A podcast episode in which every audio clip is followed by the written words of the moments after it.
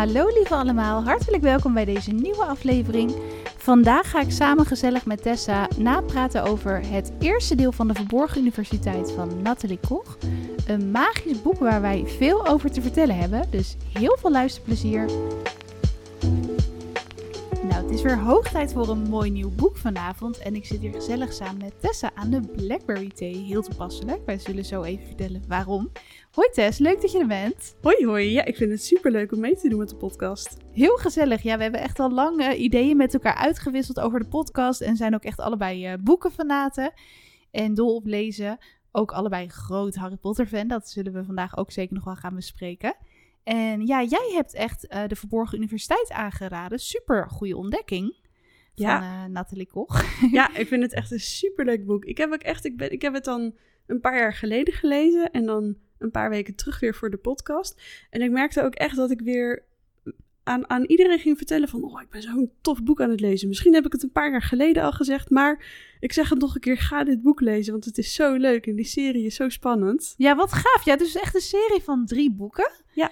Ja, het is dus ook allemaal gelezen. Dus dat is wel heel leuk dat jij al een beetje erop voort kan borduren. Want ik heb ook echt gevoel dat bepaalde gebeurtenissen in het boek... dan weer verder worden uitgewerkt in de volgende delen. Ja, absoluut. Dus dat is wel een heel mooi geheel of zo, dat het zo in elkaar valt. Ja. En ja, de naam zegt het al. Het gaat echt over Untraceable University in Londen. En ja, Alexa is eigenlijk de hoofdpersoon. Hè? Het is echt vanuit haar perspectief uh, geschreven. Mm En zij doet een uh, ontdekking, want dat is ook het leuke aan dit boek. Het speelt zich eerst af in Nederland, want de schrijfster is dus Nederlands. Ik had echt helemaal het gevoel, oh, het is een uh, universiteit in Engeland, in Londen. Dat is vast een Engelse schrijfster, weet je wel. Maar het is gewoon echt uh, een fantasyboek van Hollandse bodem. Hoe leuk. Ja, echt superleuk. En het speelt inderdaad in Londen. Maar wat ik ook wel, misschien voordat ik begin met, met het vertellen hoe het, hoe het is. Het is wel echt ja. zo... Um, het wordt, de Londense sfeer wordt heel mooi beschreven. Maar Absoluut. het wordt ook wel echt beschreven vanuit... Um, wel vanuit Nederlands perspectief of zo. Iemand die ja, echt met een nieuwe, frisse blik naar de stad kijkt. En dat is wel echt super interessant. Klopt, het is ook sowieso wel gewoon af en toe het taalgebruik en zo. Dat is gewoon wel een beetje dat nuchtere Nederlands. En je merkt ja. ook wel heel erg dat ja, Nathalie Koch zich heeft verdiept in, in de stad, in, in Londen. Ja. En ze heeft ook gezegd in een interview van ja, Londen leek mij gewoon de ideale stad om een magische wereld in te verstoppen. Omdat het gewoon zo'n ja, magische stad op zichzelf al is. Met allemaal verborgen steegjes en ondergrondse stations. En ja, dat, dat mensen zich daar ook gewoon niet zo met elkaar bemoeien. En dat je daar ook al heel veel verschillende culturen hebt. Ja. En dat haar dus dit uh, ja, een plek leek waar dus de magische ja, gemeenschap wel thuis hoorde. Absoluut. Want dat is ook wel het bijzondere aan dit boek. Dat vonden wij volgens mij allebei wel. Dat het aan de ene kant is het gewoon de moderne 21ste eeuw. En tegelijkertijd is daar gewoon een magische wereld in verborgen. Dus je hebt het allebei. Het is niet zoals bijvoorbeeld met ja, we gaan denk ik wel vaak die vergelijking met Harry Potter maken. Ja, denk het ook. Uh, onbewust, dus sorry daarvoor, maar wij zijn daar gewoon helemaal, ja, wij uh, hebben die boeken zo vaak gelezen, maar ja, daar uh, weten de tovenaars op Zwijnstein weten niet wat een telefoon is bijvoorbeeld. En hier heb je ook gewoon sms'jes en, en laptops die magie kunnen bedrijven. Ja, absoluut. Het zijn, het zijn inderdaad echt twee werelden die op, op een bepaalde manier heel erg los van elkaar staan komen we denk ik ook zo een beetje bij met hoe de universiteit eruit ziet. Ja. En ook de typisch magische plekken die er zijn. Het zijn eigenlijk wel twee hele aparte werelden, maar ze staan wel echt naast elkaar en ze overlappen elkaar ook heel erg. En dat is Klopt. aan dit boek echt super interessant. Want, Zeker, ja. Ja, want Alexa die gaat dus um, studeren aan een redelijk kleine, onbekende universiteit in Londen. Daar gaat ze niets vermoedend naartoe. En daar komt ze er dus achter dat zij um, ja, magisch begaafd heeft. Dat, dat, dat ja. zij magische krachten heeft. En um, klopt. Zij krijgt daar, ze krijgt eigenlijk een soort brief dat ze al denkt van... Wauw, dit is best wel een bijzondere brief. Met en... kroontjespen geschreven, ja. ook echt. dat ze denkt, welke man in uh, dit computertijdperk doet nog iets met zijn kroontjespen? Ja. En ja, hoe, hoe ontdekt ze... Ze ontdekt het door best wel een heftige gebeurtenis volgens mij, toch? Dat ze ja. dus mensen treft op straat die eigenlijk misbruik maken van hun magische krachten. Ja, klopt. En dan, ja. uh, dan, dan moet toch maar die uh, magister Jones het hoofd uh, haar het vertellen hoe het zit. Ja, want ze, ja, ze, ze had al een, een beetje een soort van eh, gekke gewaarwording eh, sinds ze in Londen was op die universiteit. Heel vaak als zij mensen een hand gaf, kreeg ze een soort van tinteling door de vingers, een soort van Ja. schokjes. En zelfs zoiets van, wat, wat, wat is hier aan de hand? Eh, heb, heb ik iets? Of, of hebben die mensen allemaal een supersterke handdruk? Wat is Ja. hier aan de hand? En ehm, op die universiteit loopt ook een clubje rond. Eigenlijk een beetje, ja, elitair doende lui die zichzelf veel beter vinden dan de rest. En die lijken het een beetje voorzien te hebben op Alexa. Vooral één jongen. Ja, dat hij er zo strak aankijkt. Ja, hij keek er heel strak aan. Hij hield haar hand ook heel lang vast. En zij voelde echt al die, al die elektriciteit er doorheen gaan. En toen zei hij ook tegen haar... ehm, ik weet wat je bent. Wij kunnen je veel meer leren dan die lui hier op de universiteit. En ze had zoiets van... Wat is hier aan de hand? Wat is Ja. dit? En op een gegeven moment ehm, loopt zij naar huis via het park... waar ze eigenlijk al niet mocht komen... omdat het er s'avonds niet echt pluis was. En daar komt zij dat groepje tegen dat een echtpaar met een hondje een beetje in bedwang houdt. En Klopt, tot ja. de grote schrik van het echtpaar en van Alexa ehm, wordt dat hondje eerst in een pad, daarna in een slang en daarna in een spin veranderd. En Alexa denkt ook echt van, oké, ik zie dingen, wat is hier aan de hand? Wat heb ik op? Wat zat er in mijn drankje? Ja, klopt. Maar ja, wat die, ehm, eh, wat die studenten daarbij zeiden, was ook wel heel verontrustend. Want die zeiden tegen het echtpaar van, jullie kunnen in, in het daglicht leven en wij moeten maar een beetje verborgen blijven. En Alexa had ook al zoiets van, wat, wat, wat is hier aan de hand? Wat, wat is dit? Eh, Ja, ben ik, ben ik aan het trippen? Ja, precies. En gelukkig wordt de situatie gered door een van de docenten van de universiteit. Die eh, brengt gelukkig weer het hondje in zijn, eh, in zijn originele staat terug. Ja. En eh, neemt Alexa mee naar de universiteit. En daar komt zij er dus achter dat wat zij heeft gezien niet te wijten is aan, aan, aan een drankje te veel, maar dat het echt daadwerkelijk is gebeurd. En dat is wel zo magisch aan het boek, dat je je dus kunt wanen in een wereld waarin we nu zelf leven, maar dat je dus ook gewoon een verborgen magische wereld kan hebben, Ja. die gewoon letterlijk verborgen is. Eh, en dat ze dus ook in de universiteit waar ze studeert met non-magische studenten, dat ze daar dus, jij weet dat mooie woord voor een lo- Locumagorum. dat ze daar hebben. Dus dat is toch een soort, ja, wat is het, een, een schaduwschool? Ja, het is, het is eigenlijk, ja, als, als, als, je, als je dan weer vergelijkingen zou maken, zou Ja. je dat eigenlijk een beetje vergelijken met Narnia, de wereld achter de kleerkast. Oh ja, daar deed me ook aan denken. Ja, zeker. Ja, een, een Locumagorum is een soort, inderdaad een soort van schaduwplek. Het is, ehm, ja, normale mensen kunnen er niet komen. Maar magische mensen kunnen door bijvoorbeeld hun hand op een bepaalde plek in de muur te leggen of op, in, een- in een spiegel, eh, kunnen zij een andere wereld binnengaan. Het is niet dat er achter iedere deur en iedere spiegel een andere wereld zit. Dat zou wel echt tof zijn. Maar heb je er heel veel. ja, maar er zijn eh, speciale plekken ingericht voor magische mensen, waar ze eigenlijk gewoon rustig magie kunnen bedrijven zonder dat mensen dat zien. Wel heel goed bedacht. Ja, echt heel gaaf. Want En dat is dus echt verstopt en dan met een spreuk of, of ze voelen dus al die tinteling in hun vingers, Ja. dan weten ze al, hier is een Locomagora. klopt. En wat ik ook echt wel heel vet vind eraan, het is, het, het, het, het zit zo ehm, eigenlijk gewoon recht onder je neus. Een van die ehm, ingangen is bijvoorbeeld de spiegel van een toilet. En de andere is gewoon een muur ergens.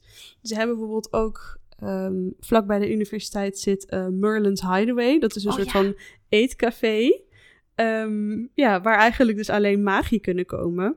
Maar eh, de ingang daarvan zit in het gangetje van het toilet van, nou echt, de, de, de meest gruizige, smerige kroeg in een of ander achterstraatje van Londen. Niemand gaat daar naartoe. Maar daarachter zit dus een hele interessante plek. En als je dat soort dingen leest, dan... Ik kwam hier dan net met de trein naartoe. Ja, En ik, ik dacht van, ja, ik ben hier op Utrecht Centraal. Als je nou, je- je- zeg maar, in de lift gaat staan... en dan met je magische vinger op een bepaald knopje drukt... en zegt Locomagorum Aperio. Ja, gaat, dan gaat ineens, gaat dan ineens die lift naar beneden... en kom je in een of ander super hippe plek of zo. Het, het, het is, ja, het is zo... het is heel geloofwaardig bijna Ja. of zo. Absoluut. Ja, Nee, Ja. dat, is, dat vind ik ook echt wel. Dat is ook wel heel uniek aan dit boek. Want ja, er zijn ongetwijfeld heel veel boeken ook over toverscholen en zo geschreven. Maar ja, dat, dat is wel echt het leuke dat het zo verborgen is. En dat Alexa dus ook eerst ja, letterlijk tussen de ja, non-magie noemen ze dat dan. Mhm. Niet-magische studenten zit. En dat er dus ook een plek is waar ze blijkbaar thuis wordt. En daar, dat is ook het eerste boek, denk ik, dat zij dat een beetje gaat ontdekken allemaal. En daaraan gaat wennen, aan die wereld. Mhm.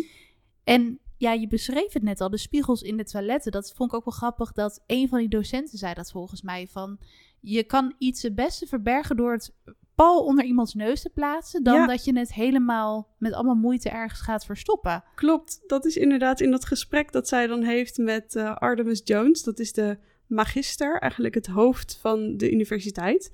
Van de gewone niet-magische universiteit en van de magische universiteit.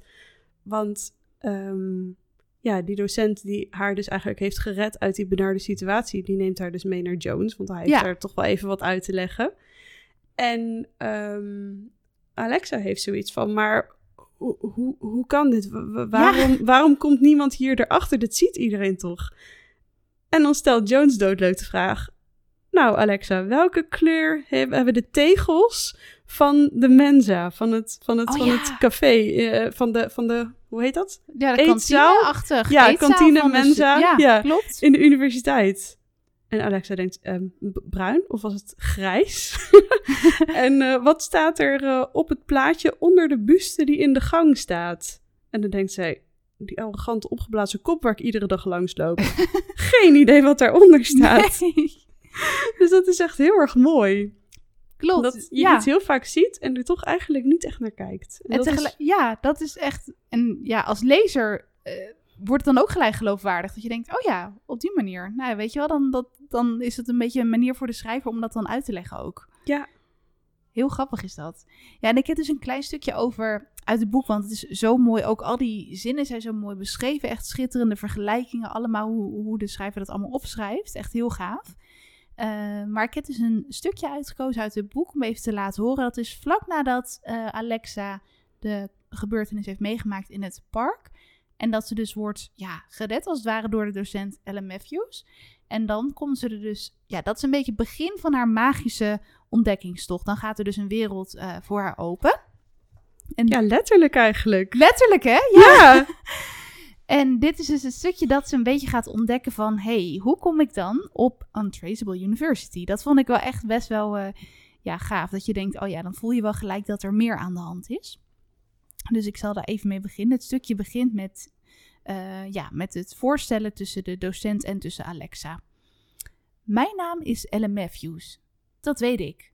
Ah, mijn roem is me vooruitgesneld, zie ik. Maar vertrouw me, ik kan dit niet uitleggen. Het kost me uren en je zult me hoogstens voor gek verklaren. Je zult het moeten ervaren, kijk maar. Hij knipte het licht aan en liep naar de lange spiegel naast de rij wastafels. Granieten bakken met koperen kraantjes. Hij legde zijn hand bijna tegen het spiegelglas aan. Zijn lippen bewogen. Verbijsterd zag ze hoe het glas rimpelde als water. Dunne kringen vormden zich rond zijn vingers, steeds breder en dikker naarmate ze naar de randen van de spiegel golfden. Een paar vetvlekken op het glas bewogen bedaard mee. Druppels vloeibaar zilver rolden over de rug van zijn hand, drupten van zijn pols en spatten uiteen op de marmeren tegels waar ze in het niets oplosten. Toen stapte hij door de spiegel en verdween. Het glas rimpelde na in steeds wijder uitwaaierende cirkels en werd weer kalm en glad. Het enige wat ze in de spiegel zag was zichzelf met verwaaid haar, een wit gezicht en een spijkerbroek vol vegen.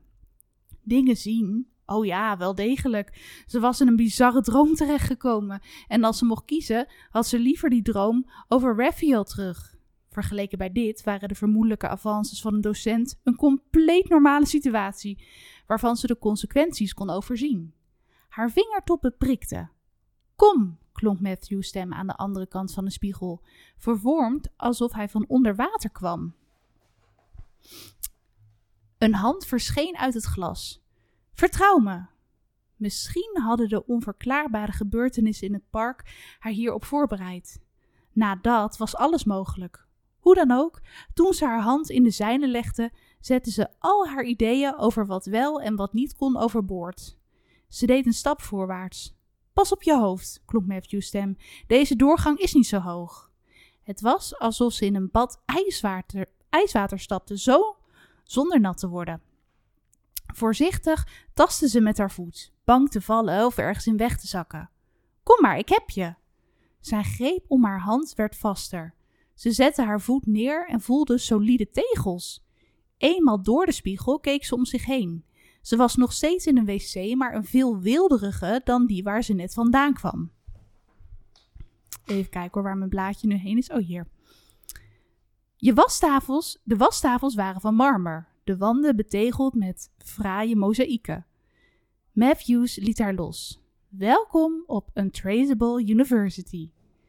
Nou, dat vond ik wel heel magisch uh, om te Ja, lezen. Dat je denkt, wauw, Absoluut. was het maar ook op onze universiteit vroeger, op onze school, dat je zo kon verdwijnen in de magische wereld. Oh, ik zou zo echt mijn hand tegen iedere spiegel leggen. Gewoon Ja, om te zien of er dan wat zou gebeuren. Om het te proberen gewoon. Ja, absoluut. Want ja, ik ben wel benieuwd. Er komen best wel veel ja, boeiende personages in het verhaal voor. En wat vond jij van Alexa? Hoe zij ook op dit alles reageerde en sowieso hoe zij eh, ja, hiermee omging. Want ze was best wel natuurlijk boos en, en geschrokken. En Ja, ja, zeker. Ja, Alexa voelde zich vooral heel erg bedonderd. Want ehm, dat hebben we volgens mij nog niet verteld. Maar toen zij in Londen aankwam, werd zij opgehaald door een van haar toekomstige huisgenoten aan Blackberry Road. Daarom dat wij trouwens ook aan de Blackberry ja eh, ze thee was aan de zitten. Blackberry Road, dat klopt. We dachten we moeten iets toepasselijks hebben. Wat trouwens wel leuk is over Blackberry Road, dat hoorde ik dus weer van de, eh, van een, uit een interview van Nathalie Koch. Ik weet niet of jij de band The Move kent. Ik kende hem nog niet. Eh, nee, maar ik ga ze wel opzoeken. Ja, toch? Dat ze dus eh, de titel voor de straatnaam had bedacht. Dat het dus fictief is, maar dat, ze, dat er een liedje was van The Move van Blackberry Way. En dat ze toen dacht, nou, Alexa die moet wonen aan Blackberry Road. Dus dat vond ik wel gaaf. Ja. Heel leuk. Maar inderdaad, ze voelt zich een beetje bedonderd, wat je al ja, zei. klopt. Want zij werd opgehaald op het vliegveld door Sander. Met wie zij in de eerste en tweede van de middelbare school heel hecht bevriend is geweest. Maar Sander is op een gegeven moment naar Engeland verhuisd. En ze hadden nog wel mailcontact. Maar eigenlijk werd dat vanuit Sanders kant steeds wat minder. Totdat eigenlijk de e-mailstroom gewoon helemaal opdroogde. En ja, dat vond Alexa heel jammer. Maar ze vond het eigenlijk vooral heel erg dat ja, blijkbaar die vriendschap niet zoveel betekende dat Sander niet de moeite heeft genomen om het contact te onderhouden. En Klopt. Ochtend na de dag dat zij erachter komt dat zij dus een maga is, komt zij er dus ook achter dat Sander een magus is. Dus Ja. precies hetzelfde talent heeft als zij. En Alexa is nou eh, woedend, want zij voelt zich echt ontzettend bedonderd. Want zij had dat ook wel wat eerder willen weten. En dan had ze ook begrepen waarom Sander is weggegaan. Want hij ging natuurlijk ehm, naar een Traceable University om daar... Ja, ze hebben daar een soort van klasjes voor, voor maguskinderen om alvast Ja. wat dingen te leren. Een soort middelbare school daarnaast voor magische kinderen of zo Ja. En daarvoor ja. is hij naar Engeland gegaan. En wat ook heel belangrijk is, is dat Alexa nooit heeft geweten wie haar vader is. Haar moeder heeft ehm, in haar jonge jaren een one-night stand gehad op vakantie. Ze heeft die jongen nog wel geschreven, ook geschreven dat ze zwanger was, maar ze heeft nooit meer iets van hem gehoord.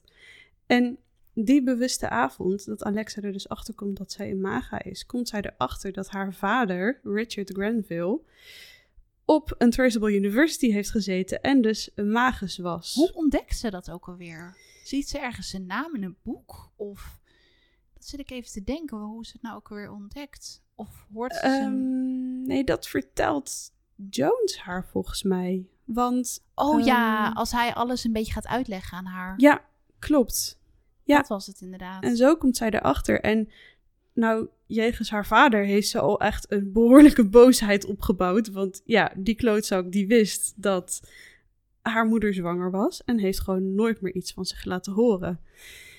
En nou, daar heeft ze echt super erg mee geworsteld. En die avond komt ze er ook nog eens achter dat haar vader niet meer leeft. Wat ondanks haar boosheid denk ik toch ook wel een behoorlijke schok is. Dus Alexa is eigenlijk vooral gewoon heel erg boos op haar vader die er niet meer is, die er nooit is geweest. Op, op, op Sander, op, op, op Jones, die haar gewoon daar naartoe heeft laten komen zonder iets te vertellen. Want Jones vond dat zij rustig aan de situatie moest wennen. Maar ja, ik snap dat ze boos was. Maar ergens zou ik ook zoiets hebben van, oh jongens, ik, er zijn dus blijkbaar allemaal dingen die ik kan. En Sander probeert haar ook weer een beetje te vermurwen door wat dingen te laten zien. Hij kan met één handbeweging al haar kleren die kriskast door de kamer liggen opvouwen en op het bed gooien. Geweldig. Helemaal opgevouwd in stapeltjes. Nou, ik zou zoiets hebben van, oké gast, uh, je hebt wat goed te maken. Ga mij gewoon even alles leren. Alles spreuken, wat een, beetje, wat een beetje de moeite waard is. Maar zij blijft vooral heel erg boos. Maar ze is ook wel echt een, een koppig, uh, koppig uh, vurig, temperamentvol typetje. Zeker. Sander zegt ook op een gegeven moment... Jeetje Lex, ik was vergeten hoe driftig je kon worden, zeg. Dat ben je ja, nog niet verleerd. Zoiets absoluut. zegt hij. Ja, gelukkig ja. heeft Sander wel de gave om iedereen eigenlijk weer voor zich te winnen. Ja. En Alexa komt er ook wel achter dat als ze deze nieuwe spannende wereld ingaat, dat ze ook wel echt een goede vriend nodig heeft. Dus gelukkig besluit ze al snel om te vergeven. En treedt ze dus ook toe tot het studentenleven daar. En gaat ze dus samen met Sander um, naast haar gewone colleges, want dat vindt uh, Magister Jones heel belangrijk. Um, magie, die studeren dingen over magie. En vooral de theorie over de magie. Maar daarnaast zijn ze ook gewone mensen die een gewoon diploma nodig hebben om ja, gewoon in de, in de normale wereld mee te kunnen doen. Dat is bijvoorbeeld, als je dan weer met Harry Potter zou vergelijken, ja. is dat heel anders. Want op Zwijnstein leren mensen gewoon alles over magie.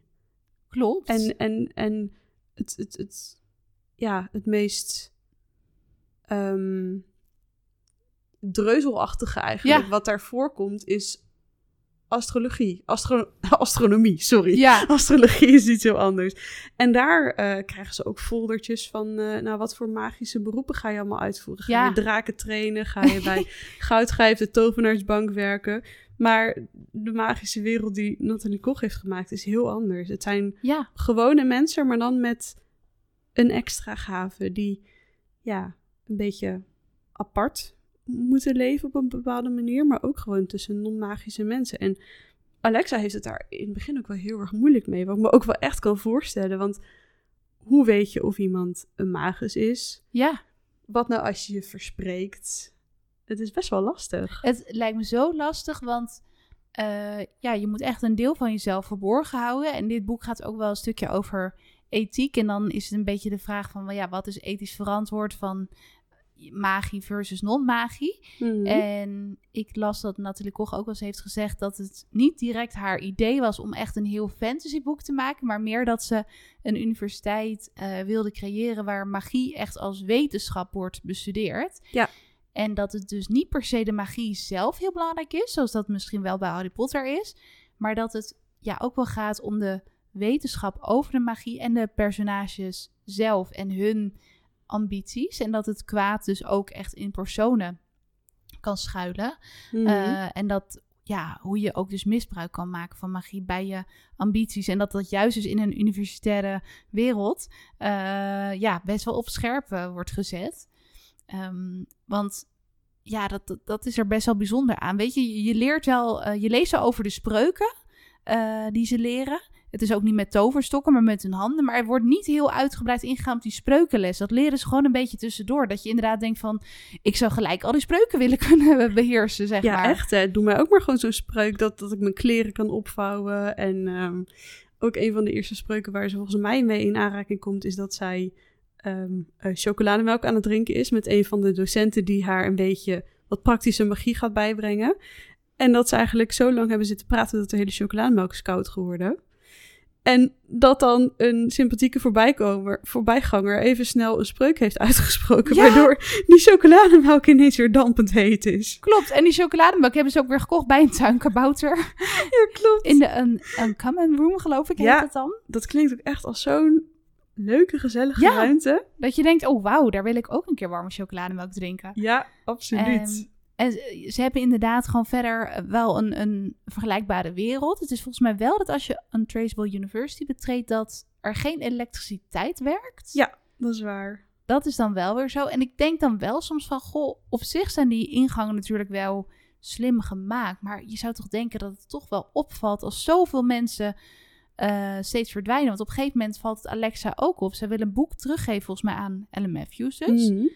Maar die, die gaat dan een lokaal in en dan is hij ineens gewoon verdwenen. Dat ze denkt, hé, maar hij ging het lokaal in, hij is hier niet. Hij kan niet uit het raam gesprongen zijn. Dus ik denk dat mensen toch wel non-magie er misschien wel gek tegen aankijken. Maar ja, dat ze dan ook denken, ja, daar zal wel een logische verklaring voor zijn of zo, weet je wel? Ja, ja, en Alexa raakt dan ook al best wel snel verstrikt in de leugens en uitvluchten die ze moet vertellen aan de niet-magische medestudenten. Ja, Dat ze even moet zeggen van, ja, ik moet even naar de bibliotheek. En je kan niet mee. Ze hebben dan toch op een gegeven moment ook volgens mij een soort codewoord ontwikkeld met Sander van als ze nog magische colleges hebben van eh, we moeten nog even wat extra werk doen in de bibliotheek. Ja. Dat betekent dus eigenlijk we hebben magische colleges. Eh, ja, klopt. Ja, en ook ehm, in, in een van de eerste magische colleges die ze, die ze meemaakt, dat is eh, ethiek in de magie. Ja, Ja, Alexa zit er. Is dat ja, toch? Van Ja. Raphael, inderdaad. Interessant figuur. Ja, Ja, absoluut. zeker. Ja, het is. Ja, Raphael is. Ja, die komen we trouwens ook al gelijk in het begin van het boek tegen. Ja, klopt. Helemaal in de, in de proloog komt hij toch naar Ja. voren. Ik wil trouwens niet te veel spoilers geven, maar in boek 2 wordt er dus heel erg ingegaan op zijn geschiedenis. Dat is echt wel heel erg tof. Je komt echt veel meer over hem te weten. Ik ben heel benieuwd, want het is echt wel een intrigerend karakter. En hij schijnt Ja. ook echt wel een beetje een dubbele bodem te hebben. Want in die colleges is hij echt heel hard tegen die studenten. Echt Mhm. knijterhard, zeg Ja. maar. Klopt. Eh, dat je ook denkt van, ja, oké, maar hij, hij heeft ook wel weer ergens iets sympathieks in zich. Hij is heel intelligent. Mhm.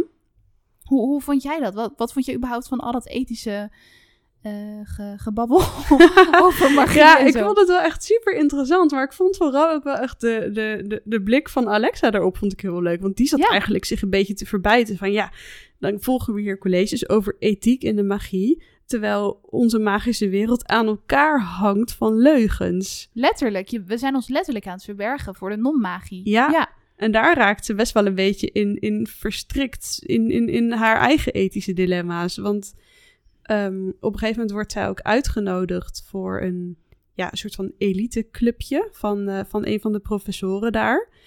En, Oh ja, is dat die ehm, Crowley? Ja, dat is Crowley. Ja. klopt. Ja, dat is een beetje een, eh, eh, nou ja, enge, enge man. Duister figuur. Ja, niet te veel spoilers, maar eh, boek 2. Boek 2 vertelt u meer. Oh ja, echt. Brr. Maar op een gegeven moment hebben ze het daar dan ook over. ehm, ja, het, is- het is een beetje een, ja, een, uit, een, een uitwisseling van gedachten Precies, tussen ja. studenten en Crowley zelf. En op een gegeven moment hebben ze het dan ook over het gebruiken van magie op non-magie. En Alexa zit zich daar eigenlijk alweer een beetje te verbijten. En als ze dan wordt uitgenodigd om iets te zeggen, is ze eigenlijk heel stellig van: Ik vind niet dat wij mensen zo mogen belazeren.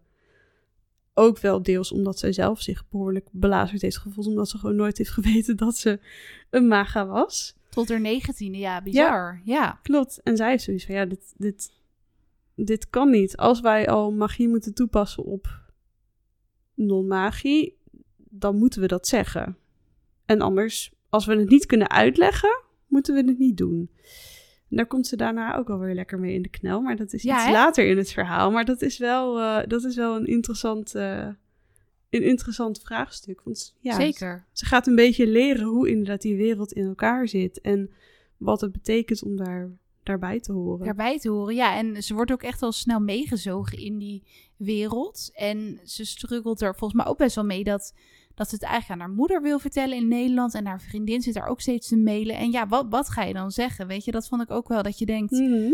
het, het zegt ook wel iets over, over de band met haar moeder. Aan de ene kant is die denk ik wel heel goed, maar haar moeder is, was naar mijn idee ook wel heel beschermend. Ja. En eh, ja, ze durft het gewoon niet te vertellen. Volgens mij vertelt ze het ook echt pas een beetje in het einde van het verhaal. Ja, klopt. Maar ja, wat, wat ga je dan zeggen? Hoi man, Ja. ik, eh, Hoe ga je dat ik, vertellen? ik ben vandaag eh, door een spiegel naar een andere universiteit gegaan. Ehm, tijdens mijn eerste magische les heb ik geleerd hoe ik vuur kan maken met mijn vingers. Ja. En in de tweede les heb ik door het park gedold als een kat. Ja, en ben ik in de huid van een vogel gekropen. Hè, Hoe was jouw dag? Ja, precies. Ja, Dat, lijkt me nogal wat. Ja, toch? Hoe ga je dat inderdaad? Je kan je dat zo indenken dat je denkt, ja, niemand gaat je geloven. Ze geven je een nummer van de eerste beste eh, psychiater of zo. Van dit gaat niet helemaal goed, weet je Ja, wel? precies. Maar eh, ja, want dat vond ik wel eh, boeiend aan dit verhaal. Die oké, die conjunctio animali, Mhm. animali geloof ik hè. Had je dat ergens eerder ooit gelezen? Of denk je dat het echt is wat Nathalie Koch zelf helemaal heeft verzonnen? Ehm, nou, volgens mij staat dit boek echt bol van de verwijzingen. Ik, ik, ik, ik heb echt mezelf moeten inhouden om niet alles op te gaan zoeken. Maar als ik dat eenmaal doe, dan kan ik niet meer helemaal genieten van het verhaal. Dus ik heb dat maar niet gedaan. Maar ik denk dat ze dit wel zelf heeft verzonnen. En het is sowieso wel heel erg cool. Want dat Ja. betekent dat je je bewustzijn in een ander dier plant. Dus jouw gedachten en je bewustzijn, ja, projecteer je in een bestaand dier.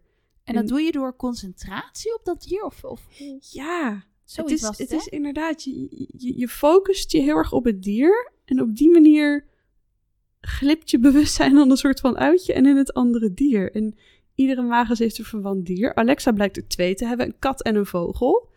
En ze denkt nog steeds haar eigen gedachten, maar eigenlijk met alle, alle instincten van het dier. Want het eerste, de eerste keer dat ze dat gaat doen, dan wordt ze dus een kat.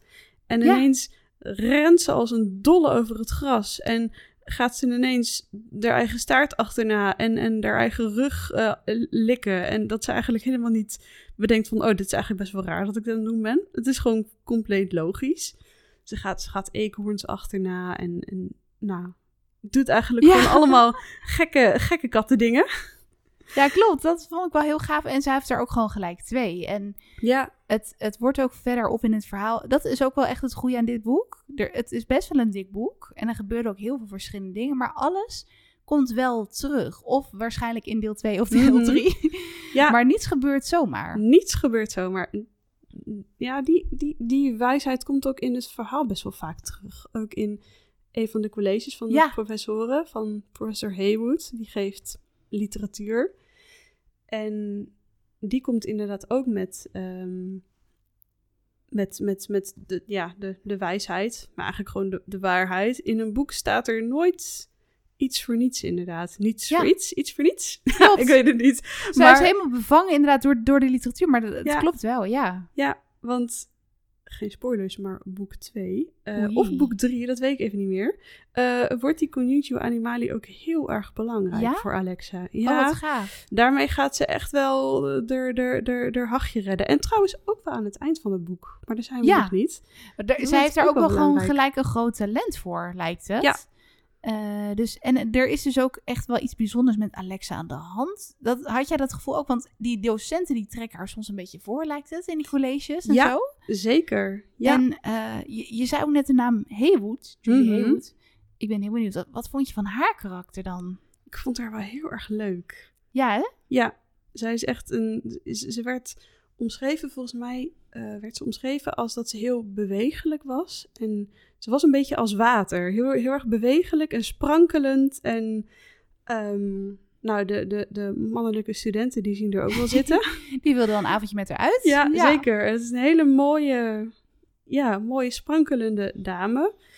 Maar op een gegeven moment Ja, wordt Ja. een beetje duister. Ik had wel zijn echt we, daar, zijn, we, zijn we daar al. Want, want er is echt superveel te vertellen. Klopt. Waar gaan we beginnen? Gaan we het over dat boek hebben wat ze ga, krijgt? ja, gaan we daarover... Ja, want daar begint het verhaal eigenlijk al wel mee. Maar Want- is gewoon zoveel... Het is Ja. ook een boek... Het is ook echt veel wat je zelf kan lezen, inderdaad. Ja, we hebben het allebei op Storytel gelezen. Het boek Ja. duurde ruim 21 uur. Ja. ja. Dus volgens mij kunnen we hier echt even over doorgaan. Ik We hoop ook niet dat we 21 uur hele belangrijke dingen vergeten. Nee, precies. Of heel erg van de hak op de tak springen. maar ja, het is gewoon echt super interessant. Maar het boek Ja. is inderdaad wel... Dat speelt al een hele belangrijke rol. Want op het Ja, vliegveld... Voordat ze dus naar Londen gaat, Alexa. Ja, Ja. krijgt zij een boek in handen gespeeld. En het boek heeft de niet wat lugubere titel eh, Kerkhof voor personages. En op de achterkant staat dat het gaat over een. ehm, wat was het nou? Een personage uit een B-thriller of zo? Ja, ja, klopt. Die Charlie eigenlijk- Boyd of zo. Ja, Ja. die eigenlijk boos was omdat hij, net als alle andere personages van boeken die niet meer veel worden gelezen, eigenlijk een soort van vergeten worden. En eigenlijk op een soort van kerkhof voor personages belanden. Ze worden Voor het gewoon, leven of zo. ja, ze worden gewoon ja, bij het oude papier gegooid, door de papierversnipperaar gehaald, als aanmaakblokjes voor de haard gebruikt. Ik weet het niet allemaal. Maar ja, hij is, hij is boos. En hij besluit een boek te schrijven dat de lezers een soort van overneemt. De lezers worden in het verhaal gezogen en zwerven eigenlijk rond op het kerkhof van de personages. Die worden eigenlijk een soort van ja, marionetten van het boek zelf. Ja, letterlijk. Ja, maar ja, Alexa heeft het veel te druk met alle nieuwe indrukken die ze moet verwerken. Dus ja, ze, ze kan steeds maar nou een bladzijde lezen en daarna wordt ze alweer afgeleid. Maar dat boek valt op een gegeven moment in, uh, in handen van Rain, een van haar huisgenoten. Um, die niet magisch is. Hè? Die niet magisch nee. is, ja, precies. Want dat vind ik ook wel leuk aan dit verhaal, dat uh, non-magische personen ook echt net zo'n belangrijke rol spelen als, als magische personen. Dat het echt Ja. dat spanningsveld is tussen beide. Ehm, en dat je ook als, als lezer... In het begin had ik zelf een beetje het boek van... Nou, er gebeurt best wel veel. En dat ik dacht, oh, het wordt allemaal best wel uitgebreid beschreven. Maar later kom je dus ook echt achter dat het allemaal wel nut heeft. En ook bijvoorbeeld dat boek... ehm, het kerkhof per, voor personages. Dat, dat vergeet je ook als lezer een beetje. Want je wordt heel erg meegenomen in Alexa's wereld. In haar Ja. ontdekkingstocht.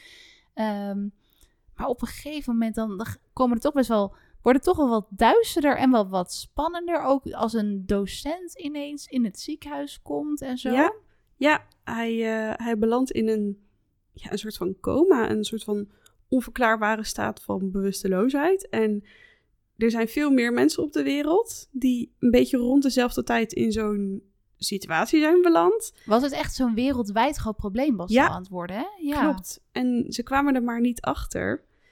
En ehm, ja, Alexa, die komt er ook best wel laat achter. Maar zij krijgt wel aanwijzingen. Want we hadden het net over Julie Haywood, die mooie Ja. sprankelende docent. Ja. Die raakt op een gegeven moment een beetje overspannen. Ja. En wordt op een gegeven moment ook echt een beetje vaag en afwezig. En raakt echt de draad van het verhaal kwijt. En op een gegeven moment wordt zij ook wel een beetje... Ja, een beetje engig toch wel, hè? Ik echt, eh, ja, ik kreeg wel de bibbers ervan. Ik, ik dacht, oh Ja. jee, je moet echt oppassen voor die Haywood. Want Klopt. dit is eh, niet helemaal, eh, nee. Ja, tijdens een les over het wegnemen van pijn. Want dat kunnen magie Oh, ja. dus ook. Dat is ook ideaal. Maar ja, niet Ja. voor degene die het wegneemt, want dan krijg je zelf letterlijk de pijn, Ja, toch? dat is waar. Ja, dat is trouwens ook wel weer... We blijven echt maar overal. maar het is gewoon zo leuk allemaal. Want Ja, dat is ook echt een wijze les uit het boek. Je, je, krijgt, je krijgt niets gratis. Het, Nee. het, het, het is niet dat je gewoon even pijn van iemand kan wegnemen en dan verdwijnt het in het niets.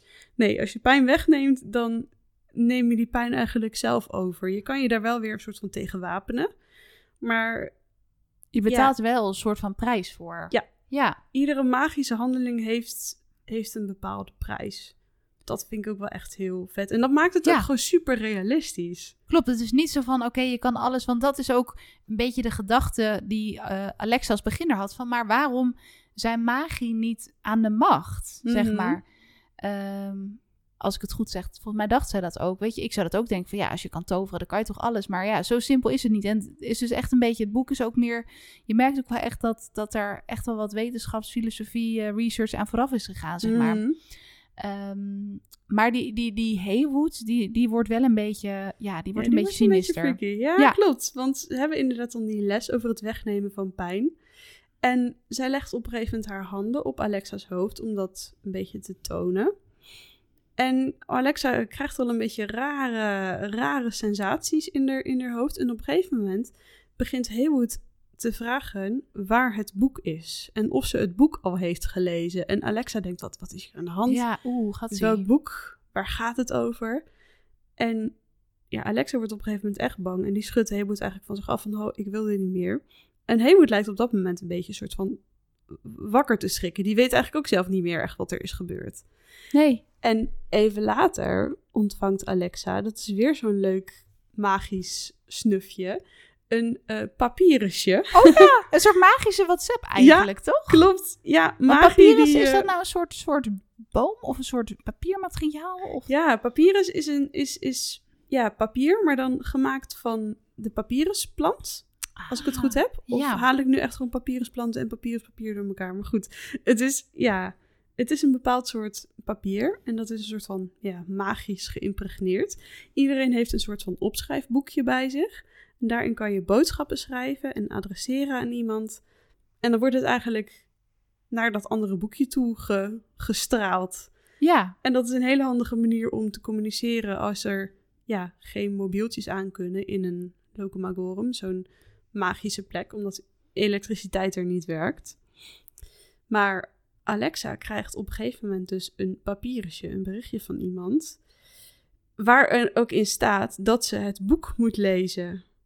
Dus Alexa denkt, het boek, wat, wat is hier aan de hand? welk boek? Ja. Welk boek? En nou ja, er is wel een boek, maar daar komt ze later pas achter. Dat heeft ze aan Rain uitgeleend. En op een gegeven moment vervalt Rain ook in zo'n coma. En het Ja. duurt eigenlijk... Ja, ik, ik, ik weet niet of ze, dat, of ze dat expres heeft gedaan. Maar ik zat echt de hele tijd van... Heb je dat ook wel eens als je dan bijvoorbeeld Ja. een film zit te kijken... en je weet gewoon van...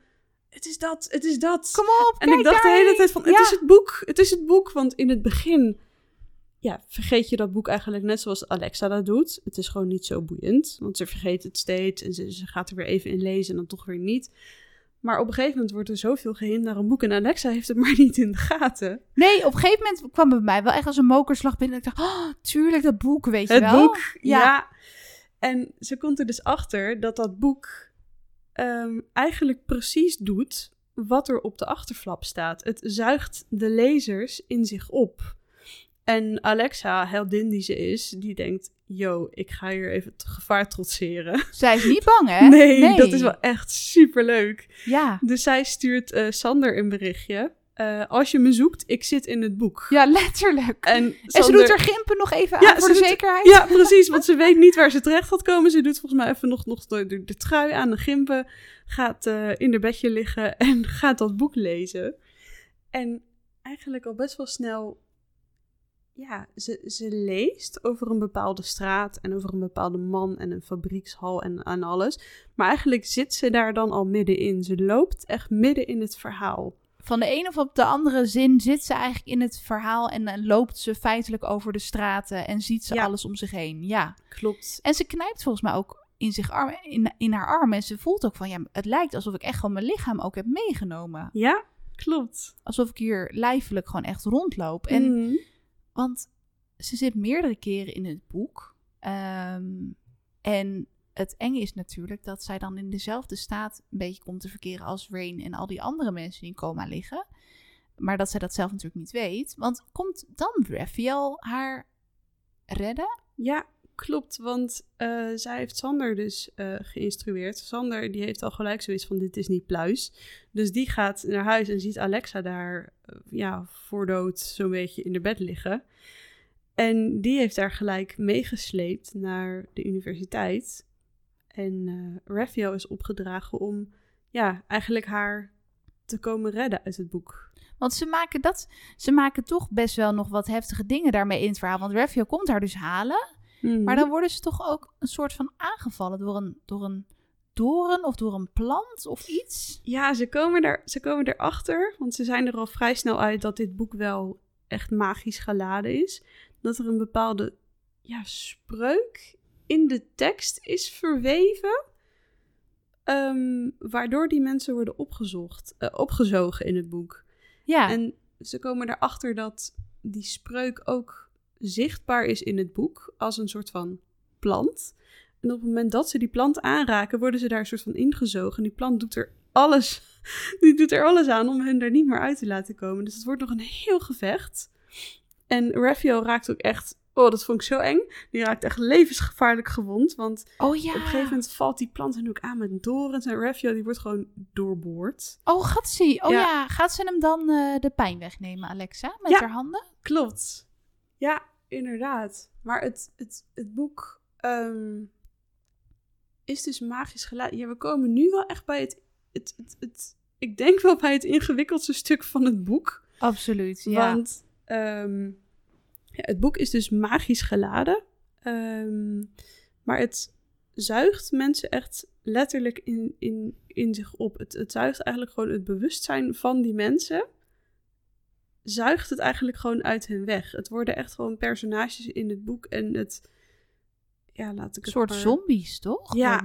Inderdaad, een soort van zombies, maar dan zonder moordlust. Ja.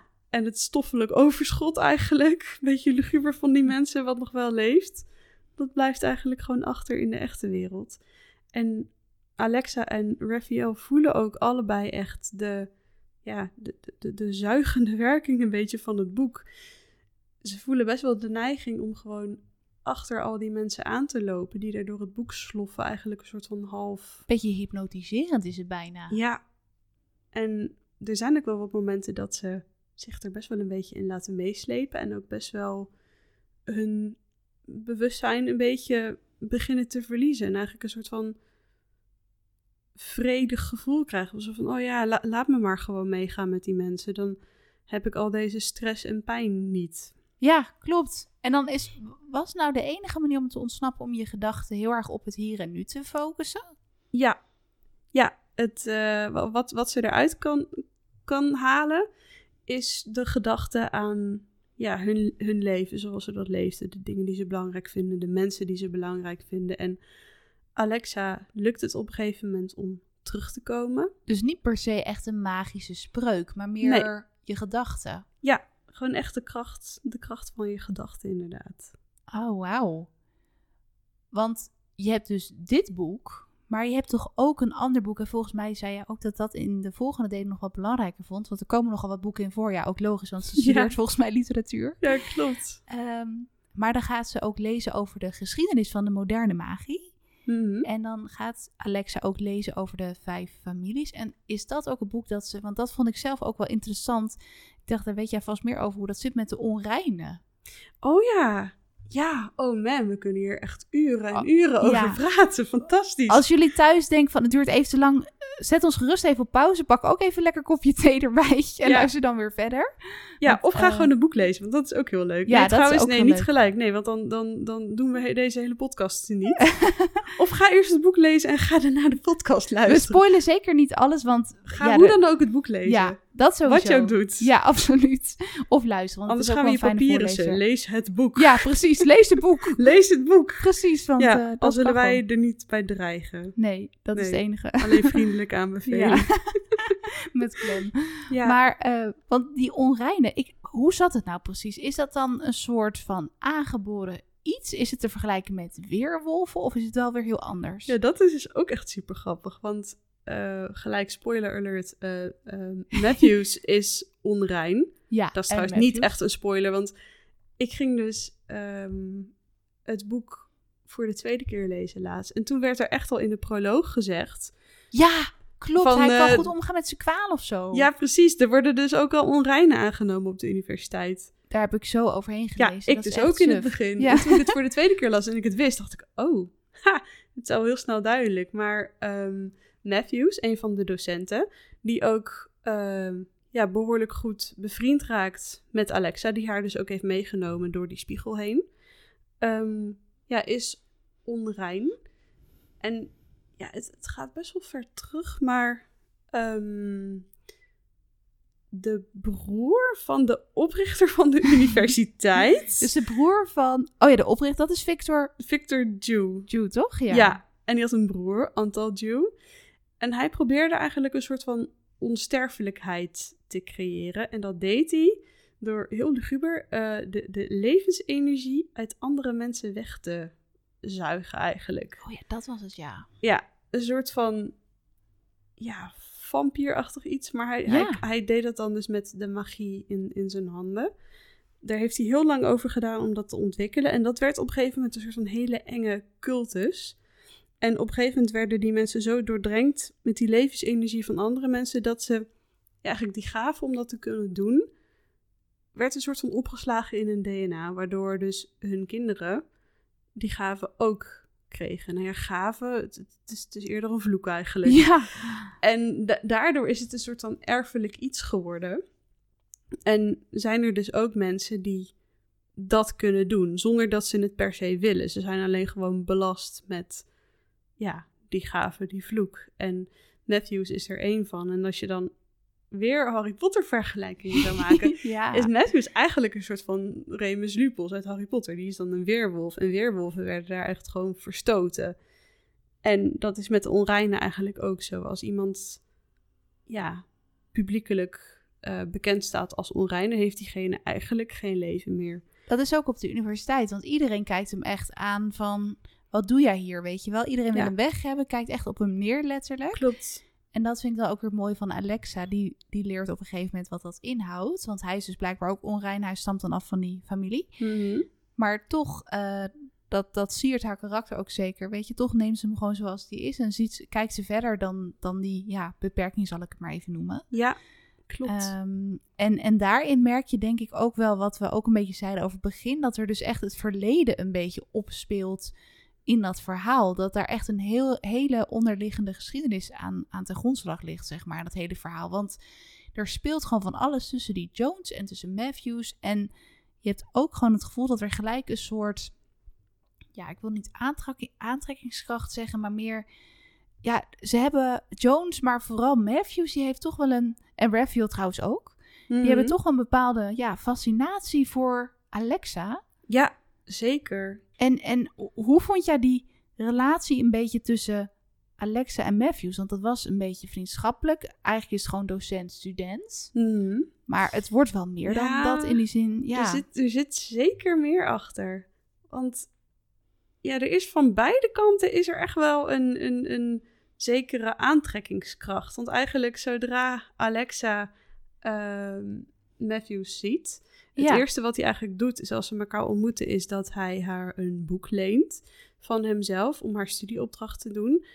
En eigenlijk krijgt ze daar gelijk al zo'n gevoel bij van, dit is eigenlijk gewoon een, ja, wat een vader zou doen die zijn dochter met, met, met haar huiswerk zou helpen. En ze wordt een beetje overvallen door die gedachte, heb ik het idee. Van wat, ja, wat, wat zie ik nou in deze man? Maar ze voelt zich toch een soort van, ja, tot hem aangetrokken of zo. Maar dan eerder van, ja, dat, dat, ze lijkt een soort van vaderfiguur in hem te zien. Maar omgekeerd is ehm, Matthews een vriend geweest van Alexa's overleden vader. Oh ja, dat hebben we trouwens nog niet eens verteld. Maar ehm, dat is ook nog belangrijk, ja. dat is zeker, dat is zeker belangrijk. Alexa's vader is samen met eh, zijn tweelingzus Eleanor en eh, een van hun goede vrienden, eh, Daniel Fenrick, omgekomen in een auto-ongeluk. Dat wordt, dat wordt althans gezegd. Ik vond dat heel ongeloofwaardig. Komt dat nog in een ander boek naar voren dat daar toch een andere oorzaak voor is? Even. Spoiler, spoiler, Spoiler, boek spoiler, 2. spoiler. Spoiler, boek 2. Hashtag Absoluut. boek ja, lees, lees boek 1 en lees alsjeblieft ook gewoon boek 2 en boek 3. En lees ze daarna, vijf jaar later of zo, gewoon nog een keer. Want Oh, gaaf. het is zo leuk. Ik word er zo vrolijk van. Ja, Maar, ja, ehm, dat auto. Oké, dus dat is. ja waar waren we? Oh ja, het auto-ongeluk. Ja, Alexa, ja. Alexa gelooft er gewoon niks van. Nee. Maar ze merkt ook dat het een heel erg gevoelig onderwerp is. Zowel bij Jones als bij Matthews. Maar Alexa lijkt als twee druppels water op haar tante Eleanor. En laat Eleanor nou net het vriendinnetje zijn geweest van Matthews. Ze ziet ook een foto volgens mij van haar staan in Ja. zijn kamer, toch? Klopt. Ja. en ze merkt ook wel dat Matthews toch wel op een bepaalde manier naar haar kijkt. Er is op een gegeven moment ook een moment, want ze spreken best wel vaak af. Eh, Alexa gaat heel vaak bij, haar langs, eh, bij hem langs en dan gaan ze een beetje wijn drinken en praten. En ze voelt zich daar heel erg op de gemak. En op een gegeven moment is er een moment dat Matthews haar heel teder aanraakt. Hij, hij raakt haar wang aan of zo. Het is in eerste instantie een soort van vriendschappelijk gebaar, maar... ja, oh Alexa ja. heeft dan de gedachte van... wat zou er gebeuren als ik nu een stap naar voren zou zetten? Dus bij Alexa beginnen er ook een beetje grenzen te vervagen. Het is.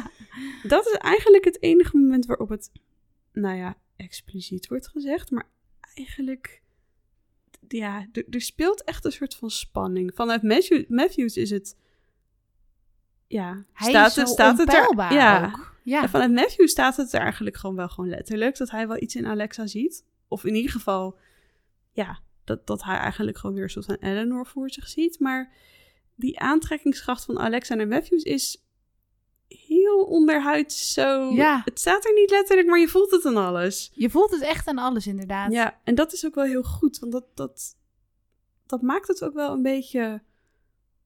Een soort van ongemakkelijk. Een beetje Je voelt het ongemak, absoluut. je voelt het aan alles. En je voelt ook een beetje die spanning. En dat, dat vind ik dat ze dat echt heel goed heeft opgeschreven. Zonder, zonder in, in clichés te vervallen. Merk je aan alles dat, dat dit een, een gekke... Ja, niet een gekke relatie, maar een interessante, interessante omgangsvorm is of zo. Zonder dat er daadwerkelijk iets gebeurt. Of iets letterlijk wordt gezegd. Klopt, dat, dat wordt heel mooi beschreven. En ook tussen die Matthews en Haywood hangt toch wel een bepaalde chemie. Ja, ja Of is dat alleen vanuit Haywood? Nou, Haywood is echt uh, tot over de oren op Matthews. En Matthews vindt haar volgens mij ook heel erg leuk. Maar hij um, vindt niet dat hij het iemand kan aandoen om met hem een relatie te moeten beginnen. Omdat hij dus onrein is. Oh, dat is ook weer dat weerwolfprincipe. Ja, eigenlijk ook. Hè. Hij vindt zichzelf niet veilig genoeg. En hij wil, uh, hij wil Haywood, als hij al serieus dat zou overwegen, wat volgens mij vond hij haar best wel leuk. Hij zou haar niet mee willen slepen in een soort van leven als, als, als verschoppeling, als... Nee, precies. Ja, letterlijk, ja, onrein persoon of zo. Nee, klopt. Dus, en ik denk dat daar dus ook zeker nog meer over komt in dus die andere boeken. Dus ik ben echt razend benieuwd. Mhm. Ehm, maar nog heel even over Raphael. Ja. Dat is ook wel een mega interessant personage, vinden wij denk ik allebei wel. Ehm, eigenlijk wordt hij de hele, het hele verhaal een beetje neergezet als een gemene, nare docent die gewoon heel hard is voor zijn voor studenten. Uh, en hij komt dus wel Alexa redden uit het boek. Ja. En zij denkt in eerste instantie nog van ja, hij zit over de achter. Maar zelf voelde ik wel aan alles van nee, hij heeft echt goede intenties. En hè, hij wil je redden. En dan kom je er dus ook achter dat hij wel een zachtere kant heeft. Dan ga je ook weer een beetje dat zo vergelijken met Harry Potter, toch? Ja, klopt. Want ja, had, had ik dat nou al gezegd? Waar als je dan die Harry Potter vergelijkingen maakt. ja. Nee, Raphael, uh, Snape. Ja, gewoon letterlijk toch? Gelijk, zelfs een manier van praten. Een beetje dat slepende. En dat hij ja. gewoon met, met, met een paar woorden een hele collegezaal stil kan krijgen. Het is, het is dan wel een soort van aantrekkelijke versie van Snape. Want Klopt. ja, Snape heeft... Ja, ja. Nee. Snape is niet aantrekkelijk. Dat is gewoon niet, niet echt een lekkere vent. en uh, nee, Raphael heeft een, uh, heeft een hele uh, fanbase van... ja, oh ja, alle studenten zitten achter hem aan. Hoe noemde Sander dat nou? De vriend van Alexa, de, de, de decolleté-brigade ja, of zo? Die zit altijd op de voorste rij zit op de, voorste naar beneden. Ja, ja. Die, die vinden hem zeer de moeite waard. Maar ja, Raphael die...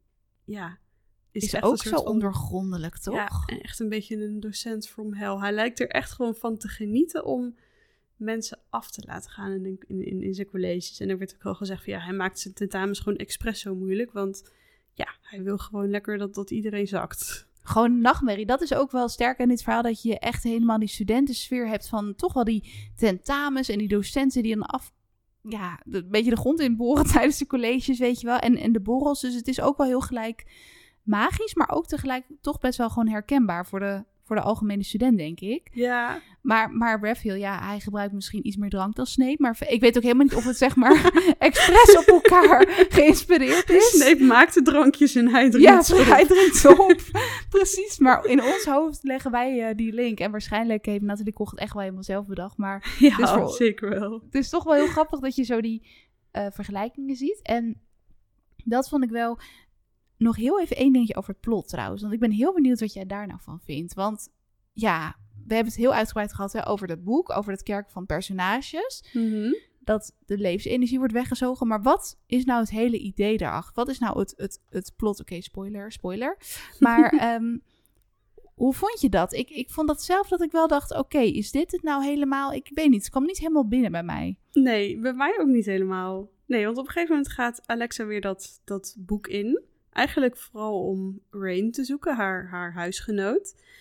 En daar wordt ze ja, eigenlijk op een plein, dat in het boek dus beschreven is, waar ze dan ook letterlijk staat, wordt ze eigenlijk een huis binnengetrokken en komt zij oog in oog te staan met ja, de bedenker van het boek. En ja, hij houdt echt een hele verhandeling. Allemaal hele mooie woorden. Heel ethisch gebabbel weer. Ja, maar hij, hij probeert Alexa er eigenlijk gewoon te van overtuigen dat hij geen kwaad in de zin heeft. Maar ja, dat, dat, dat, dat weet hij mooi te verwoorden, maar mij heeft hij niet echt overtuigd. Maar wat hij eigenlijk vooral haar probeerde duidelijk te maken, is dat hij een soort van wereld wil creëren waarin iedereen wordt vrijgemaakt van angst en pijn en negatieve gevoelens, waardoor iedereen soort van in harmonie met elkaar samen kan leven. Helemaal pijnvrij ook dan, Ja. of zo. Daarom zijn die mensen ook allemaal zo'n soort van wezenloos. Die zijn, ja... Maar ja, wat, wat blijft er dan nog over als je Ja. de pijn van mensen wegneemt? Dan heb je ook, kan je misschien ook gewoon geen geluk meer voelen. Misschien niet. Nee. Ja, nee. Nee, want, want denk aan iemand die echt gewoon enorm stoned is. Die, die, die ligt een beetje voor, voor pampers op de bank, een, Ja. beetje, een beetje voor zich uit te grijnzen. ja. Maar ja, dat, dat is voor even is dat, is, dat, is dat heel erg leuk. Maar dagenlang stoned naar je werk. Laten we dat niet doen. Daar worden de cliënten niet heel blij van. Eh, Nee. nee. nee, dus hij schiet daar eigenlijk een beetje zijn doel voorbij. En hij wil ook heel graag ehm, erachter komen of je ja, de, de doden kan terughalen en weer in contact kan komen met de doden. Hij heeft zelf, eh, zegt hij, een zoon verloren. Daarvoor houdt hij iemand verantwoordelijk. Dat is ook weer zo mysterieus. Ja, klopt. Ook weer boek 2. Eh, ja. Zeker, boek 2. ja, ehm, Alexa denkt op een gegeven moment dat dat ehm, Augustus Fenric is, de vader van Daniel. Dus een van de vrienden van Alexa's vader, die dus is omgekomen.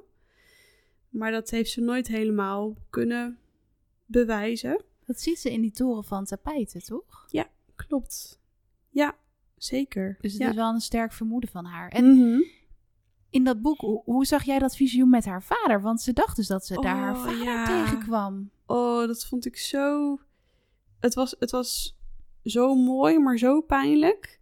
Ja. Want ehm, ja, Augustus wil. Ja, ik, ik zeg nu wel Augustus. Ze denkt dat het Augustus Ja. is. Dus laten we hem maar even Augustus Ja. noemen. De bedenker van het boek, de, de, de- het, het brein achter het verhaal. Ehm, wil haar eigenlijk laten zien wat de kracht van het boek is. Wat er daadwerkelijk kan Ah, gebeuren als je echt overgeeft aan het verhaal.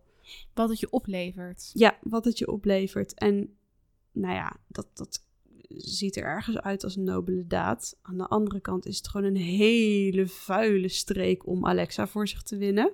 Want op een gegeven moment laat hij Alexa uit het raam kijken en zegt: eh, Ga maar.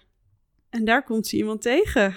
Oh, wauw. Ja, dat was heel ontroerend inderdaad. En ze vraagt zich ook gewoon af, je kan het je zo goed voorstellen, want we herkennen denk ik allemaal wel eens dat je gewoon een droom hebt over iemand die je bijvoorbeeld heel erg mist en dat je dan denkt, oh, het lijkt zo echt, weet je wel. Is het Mhm. nou echt of niet? En ja, dat, dat is dus ook de, ja, die, dat fragment over Alexa en het weerzien met haar vader, want zij weet ook gewoon echt niks van haar vader. Nee. Ehm, en, en dat is ook zo frustrerend, denk ik, voor haar. Want ze staat continu in contact met mensen die echt met hem hebben samengeleefd. Die gewoon hartsvrienden met hem zijn geweest. Hè? Bijvoorbeeld Matthews. Mhm. En, en dat is misschien ook wel een beetje wat, eh, wat Matthews in haar aantrekt, zeg maar. Wat, wat zij aantrekkelijk aan hem vindt. Dat hij gewoon zoveel weet over haar vader. Maar hij laat het eigenlijk ook gewoon niet, niet los. Nee. Ehm, maar goed, ik ben dus heel benieuwd naar de ontrafeling verder van die mysteries. Oeh. Hoe dat verder gaat. Ja, Ja, absoluut. lees, lees boek 2, lees, Lees boek boek 3. Het wordt alleen maar beter. Het wordt ja. alleen maar beter. Ja, maar het is wel heel mooi inderdaad. Want ze heeft haar vader dus nooit gekend. Maar zoals je dat in een, in een droom hebt, ze ziet hem en ze herkent hem gelijk. Ze weet gewoon, dit is mijn vader. Ja, ze weet het aan alles. En ze voelt het aan alles. En ehm, ja, ze brengt dus een avond met hem door. eh, met, met, met een kampvuurtje en tomatensoep in blik. En ze kijken naar de sterren. Op een gegeven moment valt ze soort van in zijn armen in slaap. Hij houdt haar warm. En dan wordt ze wakker weer in de werkelijkheid. Ja, verschrikkelijk. Echt En- zo sneu. Ja, zij is helemaal van slag. En nou ja, Augustus heeft eh, er precies waar hij er hebben wil. Want zij wil niet dat die spreuk ontmanteld wordt. Want ondertussen eh, is Matthews heel hard bezig met een tegenspreuk bedenken. Tegen de spreuk in het boek. Om iedereen dus weer bij te brengen. Maar Alexa, met alles wat ze heeft meegemaakt, nog vers in haar geheugen, Ja. denkt... Ik ga het dwarsbomen. Ik ga de dwarsbomen, want als die spreuk verdwijnt, dan verdwijnt het boek en dan kan ik mijn vader nooit meer zien. Ah, dus het is echt wel een beetje in de ban ook van dat boek misschien wel. Ja. Zeker. Want ja. Eigenlijk, we zeiden net al dat Julie Haywood heel geheimzinnig en spookachtig en naar begon te doen. Maar was zij nou een beetje in de ban van de het meesterbrein achter alles? Of was dat puur door dat drankje in spiritus, denk jij? ja, oh ja, dat is ook nog, dat hebben we ook nog niet eens verteld. Het is echt bizar hoeveel erin zit, hè? Oh, echt? Ja. Hier moeten we gewoon drie, drie podcasts over opnemen. Ja, zeker. Maar Sander, de, de, eh, de huisgenoot en eh, beste vriend van Alexa, die ehm, is nogal ja, bezig met het, het, het brouwen van, van toverdranken. En ook heel veel met ehm, magische planten, maar ook met gewoon de magische werking van gewone planten. En hij heeft op een gegeven moment een recept op internet gevonden voor het drankje Inspiritus. En Inspiritus is een drankje dat je ontvankelijk maakt. Hoe zei je het nou net zo mooi? Oh ja, voor influisteringen van buitenaf. Ja, precies. dus nou, ga achter je computer zitten om een paper te schrijven. Neem een slokje Inspiritus en alle geniale gedachten over dat onderwerp vloeien zo je hoofd in. En komen er zo via je vingers en het toetsenbord weer uit. Ideaal. Ja, en ja, zeker. Ja, dat lijkt. Want iedere magie heeft natuurlijk zijn prijs. Want Haywood ja. is nogal een beetje overspannen. Eh, die moet heel veel doen en heel veel schrijven. En op een gegeven moment eh, krijgt zij ehm, van haar collega Crowley, eng De duistere Crowley. eng mannetje, krijgt zij eh Inspiritus toegeschoven. En zij gaat dat drinken, maar daardoor wordt ze niet alleen ontvankelijk voor influisteringen van buitenaf, maar ook voor waarschijnlijk dus Augustus, de brein achter het boek. Ah, ja. Waardoor zij dus een beetje probeert te achterhalen of Alexa al daarachter is wat dat boek kan betekenen. En zij probeert volgens mij ook weer Alexa tegen te houden via allemaal enge vloeken die ze uitspreekt, toch? Ja, klopt. Ja. Want op een gegeven moment hebben ze de tegenspreuk gevonden.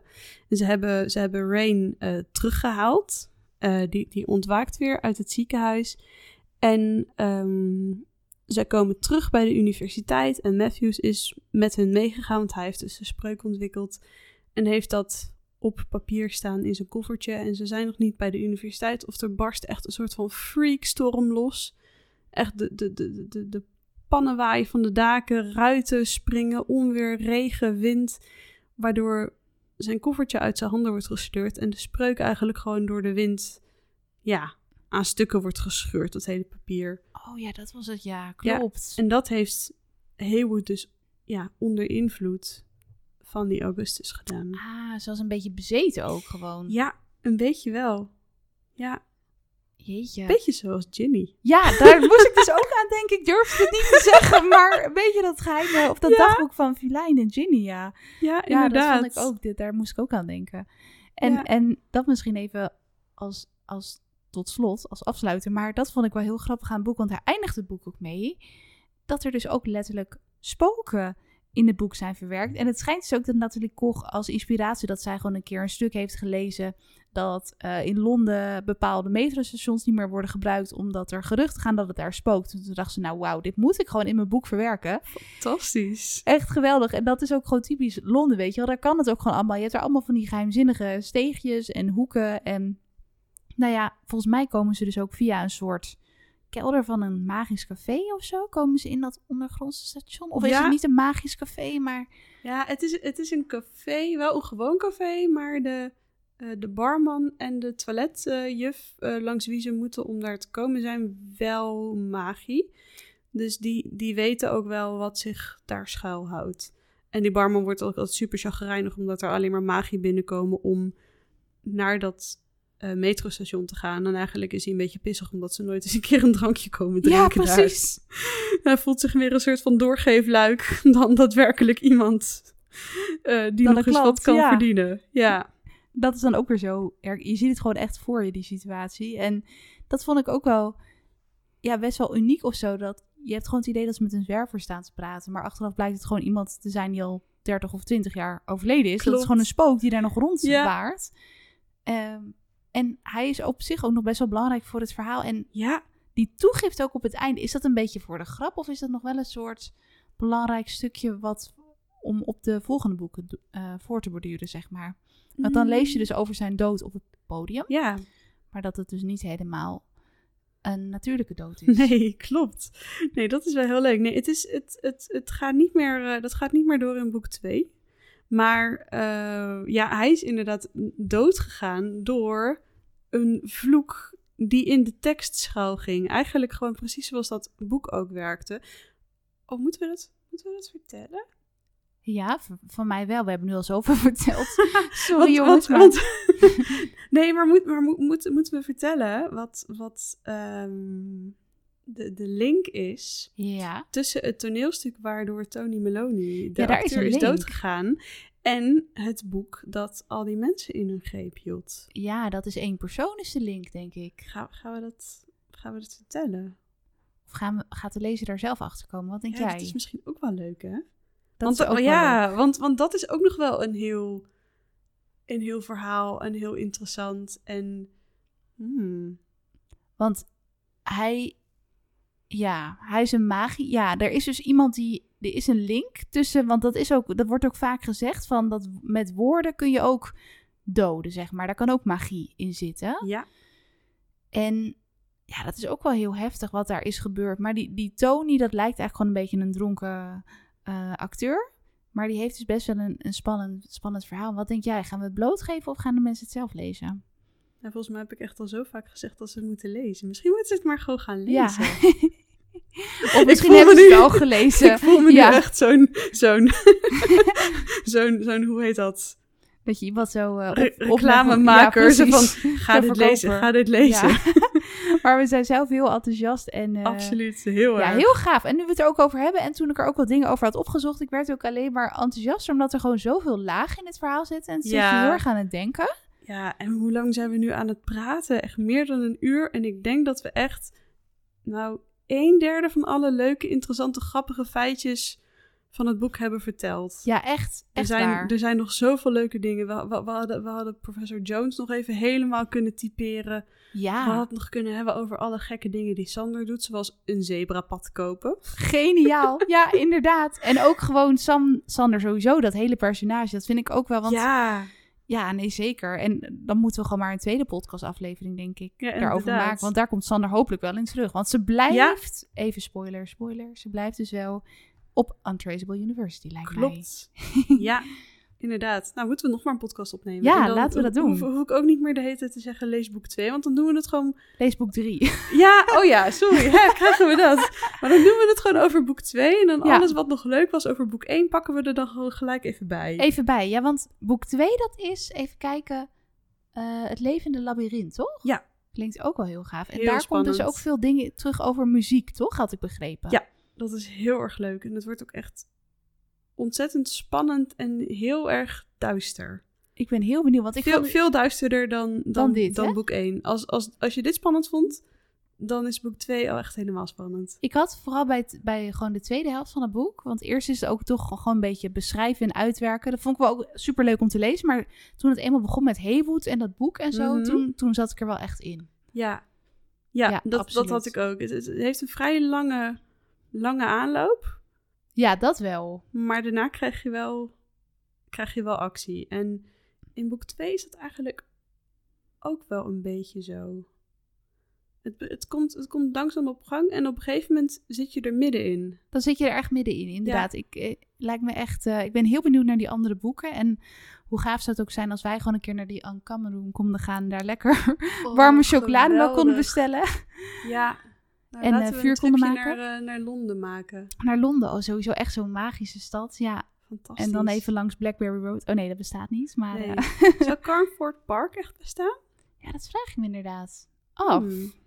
Sowieso wel gewoon, ja, gewoon echt een ideale locatie om daar dan te studeren. En dan je te wanen in zo'n magische wereld. Ja, Stiekem hopen wij volgens mij gewoon ook dat wij een keer zo'n mooie brief eh, Oh, ontvangen. echt hoor. Ooit. We zijn nog niet te oud, toch? Hoop ik. Mm, nee, je bent, je, bent, je bent nooit te oud om, eh, om magie te kunnen leren. Want nee, je beheerst het of je beheerst het niet. precies. Het is het, je hebt het of je hebt het niet, hè? Dat Inderdaad. nephews volgens mij ook. Ja, klopt. Je kan het niet een beetje hebben. Nee, klopt. Oh, ik ga, ik ga gewoon wachten tot er straks bij mij op de mat een brief ligt in dik papier met, met, met kroontjespen beschreven en ondertiteld met, met magister Artemis Jones. Ja, geweldig. Dan ben ik blij. Ja, ik ook. En ik ben ook heel blij dat je hier was, Tess, om uh, nou zo lekker gezellig met mij over dit geweldige boek na te praten. Ja, ik vond het super leuk. Sorry als ik veel te veel aan het woord ben geweest. Volgens mij heb ik veel te veel verteld, maar ik, ik ja, ik raak gewoon niet uitgepraat over dit boek. Wij gaan nog drie uur doorbabbelen. Ja, precies. Met nog een kopje Blackberry thee ja, erbij. Heerlijk. En uh, nou, jullie thuis heel erg bedankt voor het luisteren. We zijn ontzettend benieuwd wat jullie ervan vonden. Je kan ons papieren ze met je reactie. Dat zouden we heel erg leuk vinden. En we zijn natuurlijk over twee weken terug met een nieuwe aflevering en een nieuw boek. En als je het leuk vindt, kun je altijd even een reactie achterlaten via Twitter. Of je kan onze boekenkast volgen in jouw podcast-app of via Twitter en Facebook. Dankjewel, tot de volgende keer.